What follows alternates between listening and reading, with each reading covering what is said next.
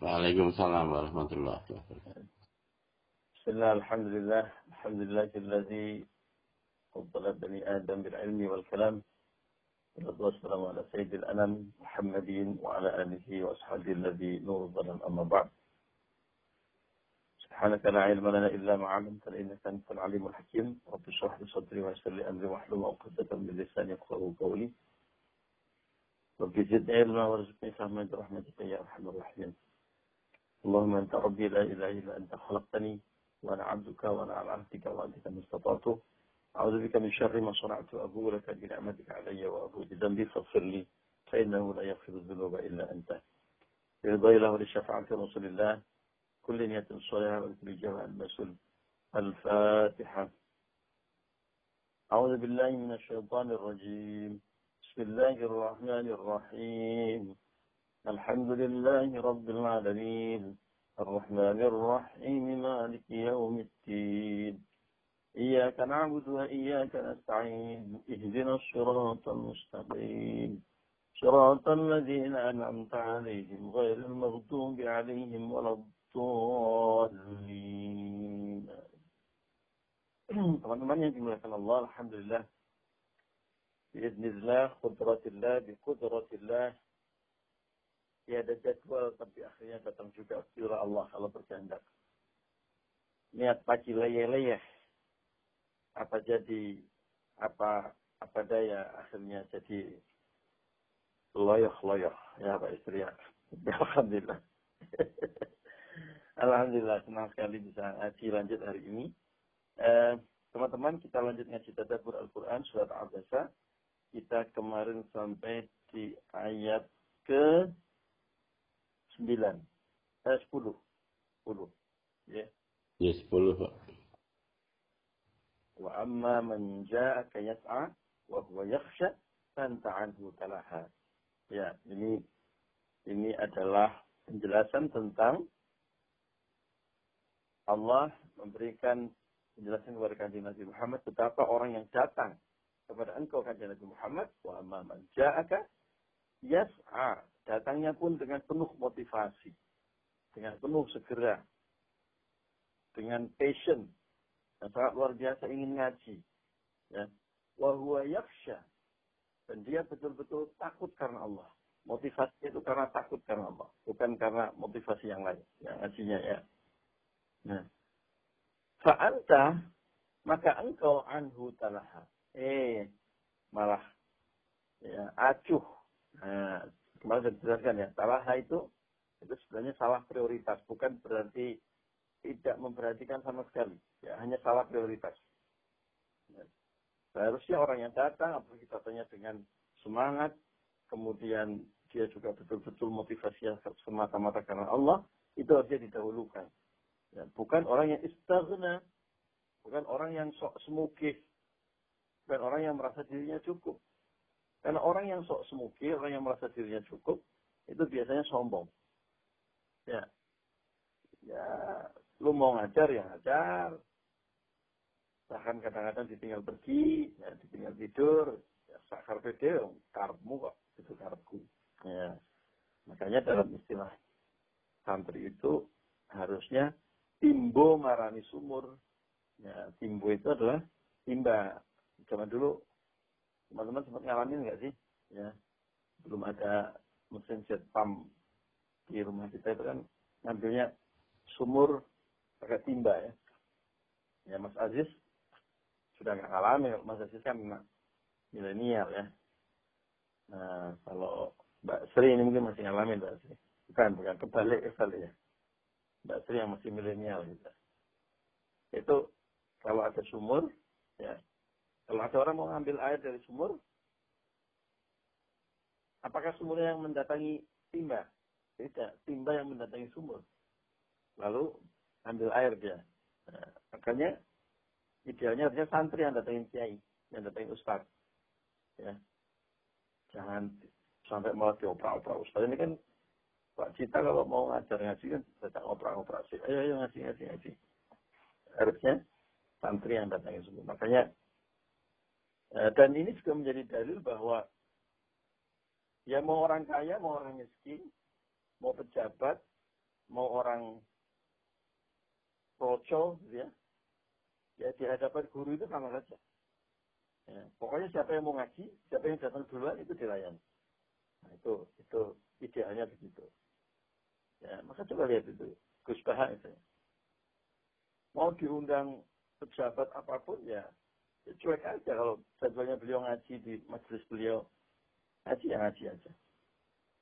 Nah, hampir tidak pernah kita temui Gus Baha itu misalnya datang ke pejabat, nah, kecuali pejabat yang jadi gurunya atau keluarga gurunya, misalnya Gus Yasin.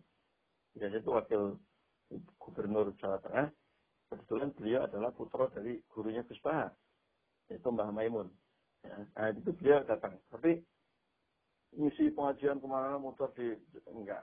Ya Gus Baha yang ngisi pengajian ya siapa yang yang yang pas buat beliau beliau sangat membatasi untuk di luar karena beliau masuk pesantren.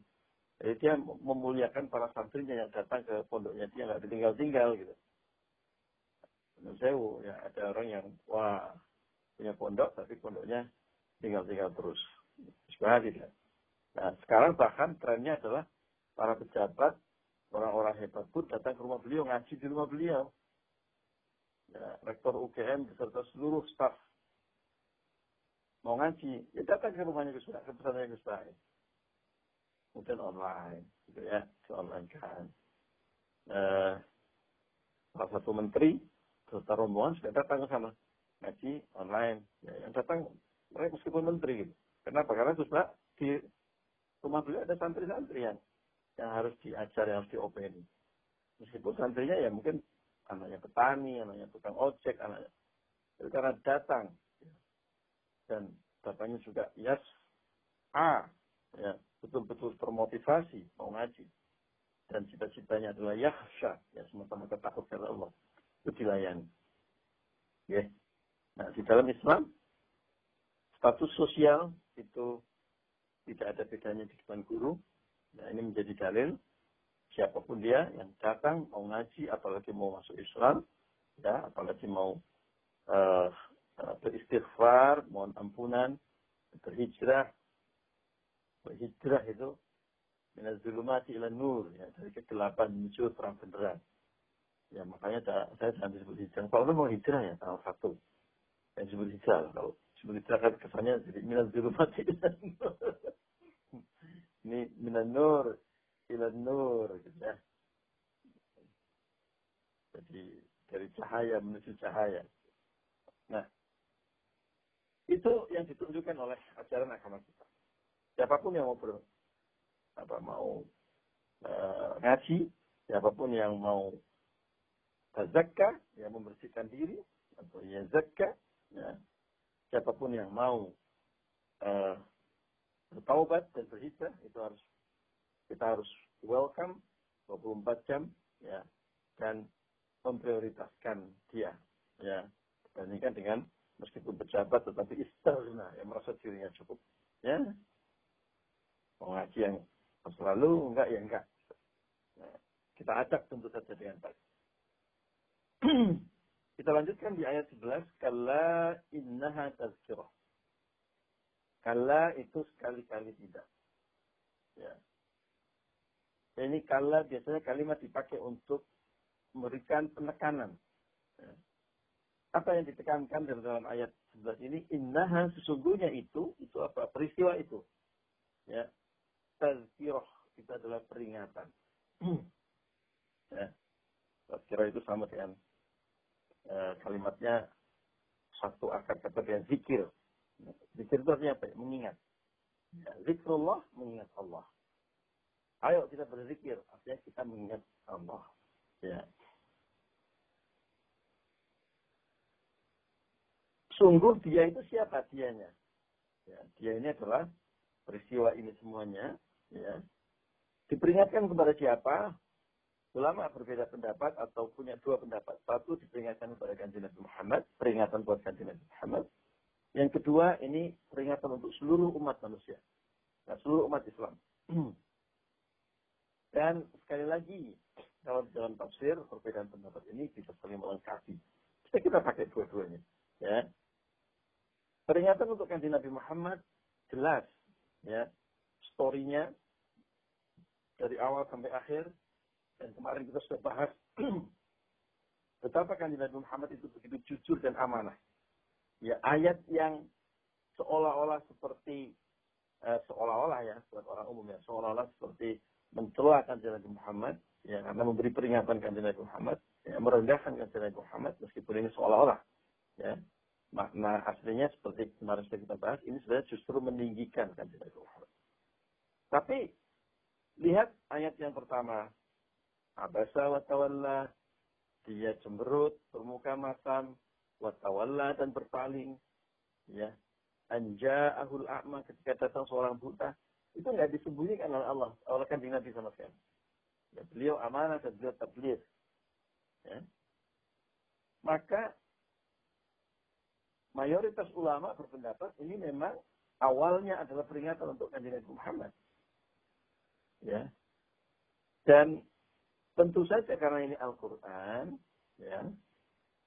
Kemudian sifatnya menjadi umum bukan hanya spesifik untuk kanjeng Nabi Muhammad kecuali ada keterangan khusus untuk kanjeng Nabi Muhammad. Ya. Ini berlaku untuk seluruh umat Islam ila yaumil kiamah yang mendapatkan Al-Quran sebagai hadiah untuk petunjuk hidupnya. Nah, jadi ya ini peringatan untuk Nabi Muhammad. Ya peringatan untuk kita juga. Peringatan untuk apa? Untuk tidak membeda-bedakan orang berdasarkan kasta sosial. Ya.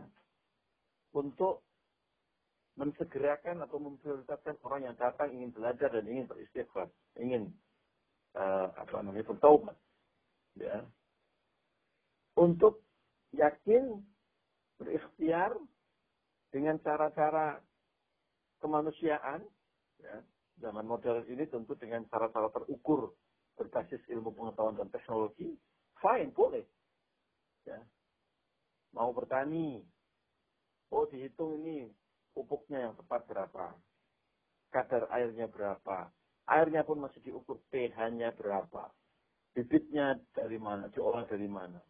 Kemudian metode pengolahannya, oh harus tanahnya dibalik dulu dan sebagainya dan sebagainya. Berdasarkan ilmu pertanian. Boleh. Bahkan itu itulah yang diajarkan oleh kita untuk uh, apa berikhtiar uh, dengan sebaik-baiknya dan salah satu indikasi ikhtiarnya baik adalah berbasis sains dan teknologi. Ya, tidak berbasis uh, ilmu mistik. Ya, Oh ada orang mau ngajar jadi guru, belajar di ilmu keguruan. Ya. Bukan kemudian eh, semata-mata misalnya kalau saya mau mencari inspirasi dari guru, saya akan berholwat di gua pantai selatan misalnya. Ya, kan tidak. Ya, ada ada ikhtiar-ikhtiar kemanusiaan yang terukur berbasis ilmu pengetahuan dan teknologi. Ada yang kepengen menjadi saintis, ya, ya sekolah. Ya, sekolah yang benar di jurusan yang dia inginkan. Ya, dan kemudian keluar ya, ya menjadi sains, menjadi saintis di laboratorium mengikuti mengikuti apa namanya metode dan juga uh, model uh, pengetahuan ala sains modern. Saya punya ustadz, dia doktor di bidang ilmu fisika, ya di bidangnya itu di seluruh Indonesia hanya ada tiga ya di bidang fisika beliau ini. Mbak Uni salah satu salah satu mahasiswanya ini ya ya sebagai seorang ustadz beliau ngajar ngaji ketika ngajar ngaji tentu dengan ilmu ngajinya gitu tapi ya selesai ngaji beliau kelar ya kadang-kadang masih pakai sarung masih pakai peci gitu ya dan ketika di ya dia bekerja dengan metode laboratorium ya, ilmu fisika modern. Ya, itu semua memang bagian dari ikhtiar kemanusiaan. Ya. Apakah boleh? Loh, justru itu yang diajarkan. Ketika misalnya kanjeng Nabi uh, uh, berdakwah, tapi juga secara profesional ketika berproses sebagai pedagang, ya pedagang. Sebelum era kenabian. Para sahabat-sahabat beliau juga begitu. Tapi, nah ini yang yang perlu kita garis bawahi. Tapi kita harus beriman 100%, harus yakin 100%, ya, bahwa at the end of the day, bukan sains dan teknologi yang membawa kita sampai kepada tujuan. Ya. Bukan akal manusia dan ikhtiar manusia yang membawa kita sampai kepada tujuan. Akal manusia, sains dan teknologi itu adalah alat, itu adalah metode. Yang menyampaikan kita pada tujuan adalah Allah Subhanahu wa taala. Di dalam kasus ini misalnya, setelah hitung-hitungan matematika, ilmu dakwah, ilmu marketing, berdakwah kepada orang kaya dan orang terpandang, para pemuka masyarakat itu lebih powerful. Ya. Tapi ada aturan yang mengatakan bahwa itu kan metode, itu kan cara, itu kan ikhtiar. Ingat peraturan Allah. Peraturan Allah adalah kalau ada orang yang datang meskipun dia miskin, meskipun dia buta, meskipun dia nasing, dia harus dilayani gitu. Wah ini kok nggak sesuai dengan ilmu marketing. Ya dalam hal itu bisa jadi tidak sesuai. Tapi ini ada aturan Allah. Islam mengajarkan bahwa siapa pun yang datang dengan semangat, dengan rasa takut kepada Allah itu dilayani. Itu terus orang kaya pemuka masyarakat gimana? Ya Allah dia istagna, nanti dulu gak apa-apa. Kamu nggak usah khawatir. Kamu nanti dapat kartu merah atau kartu kuning karena mereka tidak beriman kepada Allah. Dakwah sudah disampaikan. Ya, hidayah itu urusan Allah. Nah, kurang lebih begitu. Ya, ini peringatan yang disampaikan kepada kanjeng Nabi. Kemudian juga relevan buat kita semuanya. Yuk kita mencari ilmu. Yuk kita bekerja dengan ilmu pengetahuan dan teknologi. Tapi kita harus yakin 100% bahwa yang menyampaikan kita kepada tujuan bukan itu. Yang menyampaikan kita pada tujuan kita adalah Allah Subhanahu wa taala. Ya. Jika kita ikutin aturan Allah Subhanahu wa taala. Faman sya'a. Nah, bagi siapa atau orang-orang yang sya'a menghendaki. Ya. Orang-orang yang menghendaki, menghendaki apa? Menghendaki peringatan. Kalau mau mendengarkan peringatan, aku ambil begitu. Zakaroh, maka ia akan mendapatkan peringatan itu. Maka dia akan mengingatnya. Ya, perhatikan kalimat ini. Kaman sya'a, barang siapa yang ini. Dalam kalimat ini ada dua pengertian. Ya, ada dua makna yang bisa kita dapatkan. Makna yang pertama adalah bahwa manusia itu punya wilayah. Yaitu wilayah kemauan dan keinginan. Ya, niat. Ya. Punya passion. Ya. Pak, ayo besok kita puasa. Yuk, kita puasa. Modalnya itu kemauan. Yuk, kita besok ngaji. Ayo kita ngaji. Ya, kita rawat ini sama apa aja nih. Besok kita uh, itu sotakoh bersama-sama. Ayo kita sotakoh. Tidak punya kemauan begitu gitu. Faman sya'a. Ya, manusia diberi wilayah sya'a. Ya. Tetapi kemudian di balik ini juga ditegaskan, ya ditahsiskan. Terutama juga di, dengan ayat-ayat lain. Jadi satu ayat dengan ayat lain itu sebenarnya terkoneksi, tidak tidak putus sendiri-sendiri. Dalam ayat lain, dalam begitu banyak ayat disebutkan bahwa akhirnya hidayah itu Allah lah yang menetapkan. Tapi manusia diberi wilayah. Wilayahnya apa? Wilayah kemauan, wilayah usaha, wilayah ikhtiar. Ya, maka disebutkan sama sya'a. Adapun orang-orang kafir Quraisy yang merasa istagna, yang merasa dirinya kaya, merasa cukup, ya, berarti dia tidak memiliki kategori sama sya'a. Memang dia nggak menghendaki kok ada ada peringatan itu. Ya nggak? Ya. Mau diberi peringatan seperti apa, dedel aja. Karena apa? Karena dia nggak menghendaki ada ada ada peringatan gitu. Keporo malah mencaci maki. Ada Allahu Akbar, Allahu Akbar. Nah, dan meneh, berisik. Hmm, mengganggu meeting dan sebagainya. Coba, mendengarkan azan saja hatinya sudah sudah menolak gitu. Ya, ya dengan alasan apa pun gitu. Nah, jadi dia sudah memang tidak welcome. Katanya tazkirah. Ya, datanya hidayah, datanya peringatan. Ya, ya nggak apa-apa. Allah tidak akan berkurang kerajaan eh, Tuhannya hanya karena ada orang yang tidak suka dengan Allah. Ada orang yang yang tetap kafir kepada Allah. Ya nggak apa-apa, santai aja. Kita juga sebagai misalnya yang berdakwah ya, ya jangan jangan blunder ya, santai aja ya. Kemarin kita sudah bahas ya. Jadi kita berusaha semua mungkin, nanti hasil serahkan kepada Allah. Ini jangan terus asa kita terus fasilitasi, terus kita sediakan. Terus kita kasih peringatan. Ayo ngaji. Ada yang ngaji satu orang alhamdulillah. Sepuluh orang alhamdulillah. Seratus orang alhamdulillah. Ikhlas itu katakan di Nabi, kata Sayyidina Ali, itu kamu tidak berbangga ketika kamu mendapatkan kemuliaan, tidak mongkok, ya, tidak merasa tersanjung, tidak merasa hebat, apalagi ujub, ketika kamu mendapatkan kenikmatan yang luar biasa. Dan engkau juga tidak merasa dina-dina, malu, sedih, ketika nikmat itu jauh dari engkau. Ya. Sama saja gitu. Karena pasti sangat percaya baik maupun buruk, naik maupun turun. Besarra iwa darra. Itu yang terbaik. Nah, itu katanya dari Allah itu rezeki dan jatah itu.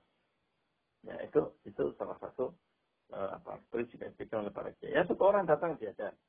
Dua orang diajar, ya datang diajar. Ya. Bagus orang, bagus orang, ayo. Ya, santai aja, nggak usah silau. Ya, itu itu prinsip. Peringatan buat kita juga untuk uh, di sisi yang lain kita juga diperingatkan untuk jadilah Abdullah bin Umi Maktum. Ya, yang siapa mendatangi siapa mendatangi siapa mendatangi sumber-sumber ilmu. Yas'a dengan penuh motivasi, yakhsha semata-mata karena takut kepada Allah. Nah, itu tazkirah semuanya. Ya. Itu peringatan buat kita semuanya. Tentu buat orang-orang yang mau mendapatkan peringatan. Nah, itu poinnya. Semoga insya Allah kita semuanya termasuk orang-orang yang welcome, ya, mau, bukan hanya welcome tapi juga mau, ya, mengejar, ya, bahkan mengejar peringatan itu. Mudah-mudahan uh, menjadi bekal kita semuanya Allah amin. Di ayat berikutnya Allah memuji Al-Quran. Ya. Ah, sudah hampir setengah jam. Oh, sudah setengah jam malah ya. Ada pesan dari panitia setengah jam aja yang setengah jam besok. Mudah-mudahan besok satu lagi setengah jam. Ya. Kemudian Al-Quran Allah memuji. Ya. Statusnya Al-Quran itu apa? Fi suhufin mukarramah. Peringatan itu, itu ada di suhuf. Ya, tazkirah tadi, peringatan Allah itu, itu sebenarnya sudah tercatat dengan baik di suhuf. Ya, suhuf itu artinya makna bahasanya sebenarnya adalah lembaran-lembaran. Ya. Tapi banyak ulama yang menerjemahkan atau menafsirkan sebenarnya suhuf itu not necessarily physical material. Ya. Jadi tidak harus berupa fisik lembaran-lembaran. Ini bisa bermakna eh, apa namanya kiasan. Ya. Kenapa begitu? Karena ada keterangan mukar Roma. Ya. Peringatan itu ada di dalam suhuf, ada dalam lembaran-lembaran yang dimuliakan. Nah, suhufin mukarrama itu ada yang menerjemahkan Al-Quran yang kita pegang ini, Al-Quran ini, ya. Ada juga yang menerjemahkan adalah lembaran-lembaran maknawi yang ada di loh mahfuz. Ya, kita sudah tahu ya loh mahfuz itu apa sudah pernah dijelaskan. Ya, tempat yang sangat mulia, yang dijaga, yang abadi. Ya, loh mahfuz. Dan loh itu uh, apa lembaran atau catatan atau tempat untuk menyimpan memori. Jadi mungkin kalau seperti sekarang mungkin apa cloud gitu ya. Tapi kan itu bahan cloud nanti jadi kontroversi. Nah, di mana Allah menempatkan catatan-catatan mulia di antaranya adalah Al-Quran Al-Karim. Ya, karena ada keterangan mukarramah dimuliakan. Ya. Nah, catatan-catatan yang dimuliakan, yang dimuliakan itu dijelaskan secara lebih lanjut dan ini yang menjadi dalil semakin kuat bahwa ini adalah yang Allah Mahfud adalah ayat ke-14 marfu'atin mutahharah. Marfu'ah yang ditinggikan. Ya. Jadi yang namanya siti marfu'ah itu ditinggikan terus. Ya. Dulu saya punya kakak kelas namanya siti marfu'ah. Ya. Marfu'ah ditinggikan. Mutahharah. Bukan hanya ditinggikan, dia juga disucikan. Ya. Jadi ditempatkan di tempat yang sangat mulia catatan-catatan ini Ya, which memang Al-Quran sebelum diturunkan ke hati Nabi Muhammad itu ada di Loh Mahfud. Al-Quran yang 30 juz ini diturunkan Allah ke Loh Mahfud, kemudian dari Loh Mahfud diturunkan melalui malaikat Jibril ayat demi ayat, surat demi surat kepada kanjeng Nabi Muhammad secara mundarij, secara bertahap. Ya, apa hikmahnya diturunkan secara bertahap kita pernah membahasnya. Ya, mudah dihafal, mudah diterima, berdialog dengan situasi dan kondisi seperti hari ini kita pelajari ini berdialog langsung ada munaqashah namanya ya berdialog dengan kondisi uh, situasi dan tantangan kanjeng Nabi pada saat itu ya membuat Al-Quran semakin relevan dan yang luar biasa lagi bukan hanya relevan di zaman kanjeng Nabi tapi relevan sampai hari ini nah, itu diturunkannya dari dari Allah Mahfuz secara bertahap nah Makanya kemudian para ulama banyak yang menafsirkan ini adalah Al-Quran yang ada di dalam loh mahfud. Karena ada keterangan marfu'ah mutahharah. Ya. Kemudian dilanjutkan lagi dengan uh, keterangan ayat 15 di ID safara. Di tangan safara. Safara itu para utusan-utusan Allah. Dalam hal ini adalah para malaikat. Ya. Malaikat yang menggenggam amanah ini, yang luar biasa amanah. Ya melebihi siapa pun yang yang uh, apa bisa memegang amanah.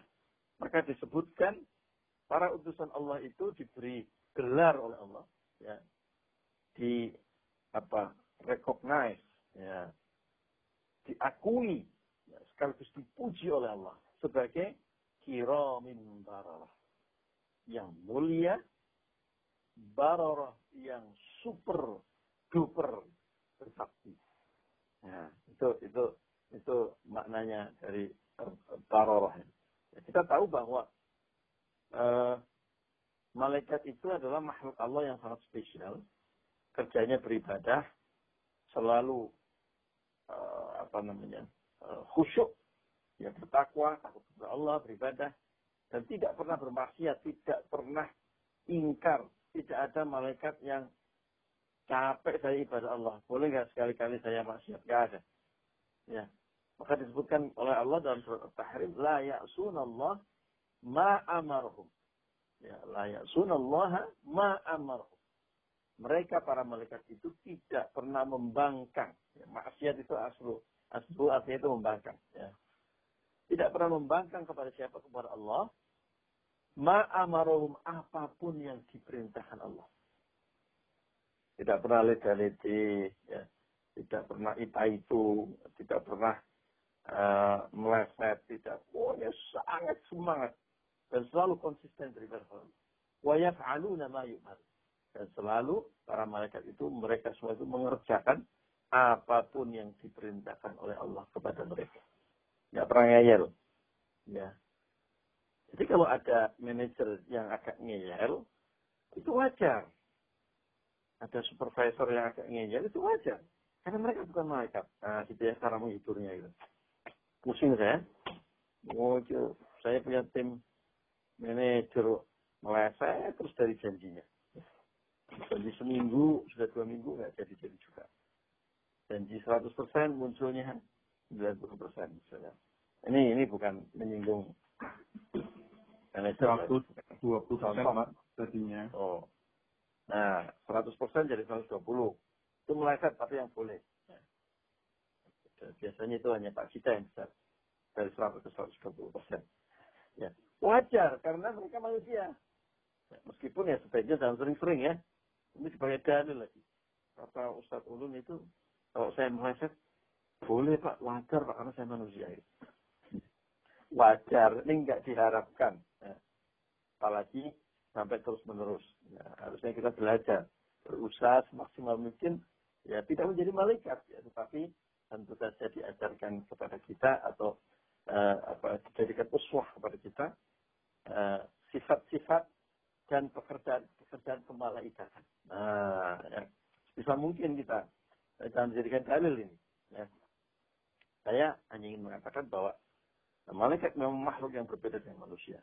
Dan kemarin sudah sempat kita bahas sedikit, itulah mengapa Nabi itu diutus bukan dari malaikat.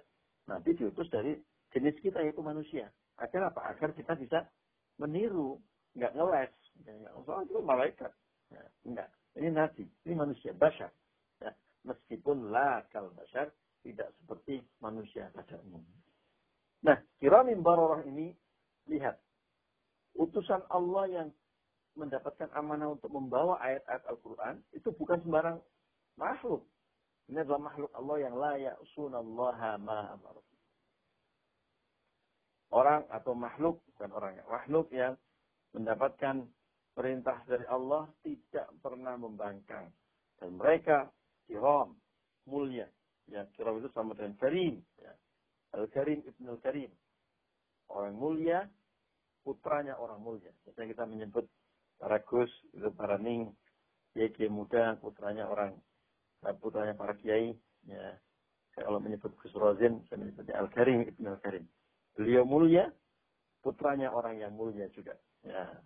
Nah, kiram itu mulia. Nah, jadi malaikat itu mulia, utusan yang diperintahkan oleh Allah untuk membawa Al-Quran saja bukan sembarang utusan. Ya. Dan ini adalah peringatan bagi kita semua. Al-Quran ini adalah disebutkan tazkirah peringatan. Faman sya'ala. Buat orang-orang yang mau menerima peringatan, maka zakarah dia akan ingat. Nah sekarang kita mau menerima peringatan itu nggak perlu. Ya. It's up to you. Allah sudah memberikan paket lengkap yang luar biasa dalam Al-Quran. Tinggal lu mau nggak? Kita semua mau nggak ngambil peringatan itu untuk hidup kita? It's up to you. Sekali lagi, tentu kita semuanya berharap dan kita semuanya yakin teman-teman semuanya bisa mampu nonton kita uh, sangat semangat ya uh, yes are ya, dan juga yakhsha ya, juga berbasis rasa takut dan takwa kepada Allah untuk menjemput peringatan itu dari Al-Quran. Buktinya apa? Kita ngaji Al-Quran bersama-sama. Dari Sabtu. Karena karena peringatan itu tentu akan didapat kalau nah, lebih lebih dekat dan lebih mudah kalau kita bisa membaca Al-Quran. Ya, maka hari Sabtu kita ngaji bersama Ustaz Sungkono, masih ditambah lagi hari Ahad, masih bersama uh, Kiai Sunan, ya. Dan berkali-kali juga saya sampaikan, silahkan teman-teman yang mau ngaji privat, ya, dengan Ustadz Imam, dengan Ustadz Khalil, dengan Ustazah Fifit, buat yang putri-putri, dengan Ustazah Murni, ya. Tinggal kontak saja, nah, beliau-beliau, lewat saya boleh, ya. Lewat beliau-beliau boleh, nanti juga di-share lagi di grup pengawasan boleh. Monggo, mumpung lagi zaman online ya, teman-teman bisa bikin jadwal. Ustadz, saya mau ngasih online. Ya, yang yang bapak-bapak sama Ustadz ya. Yang ibu-ibu, mbak-mbak sama Ustazah. Ustazah, saya mau ngasih online terus.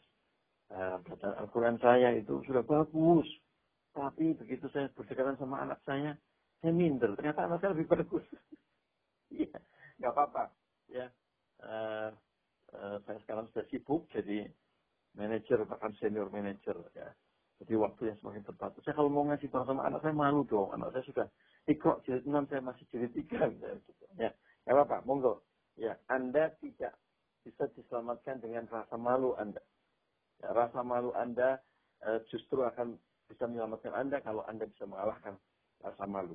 Ya, siapa yang mau mendapatkan tazkirah, ya peringatan, ya ayo mendatangi Al-Quran. Insya Allah Allah akan memberikan peringatan itu melalui Al-Quran. Amin. Ya Rabbal Demikian teman-teman yang kita pagi hari ini.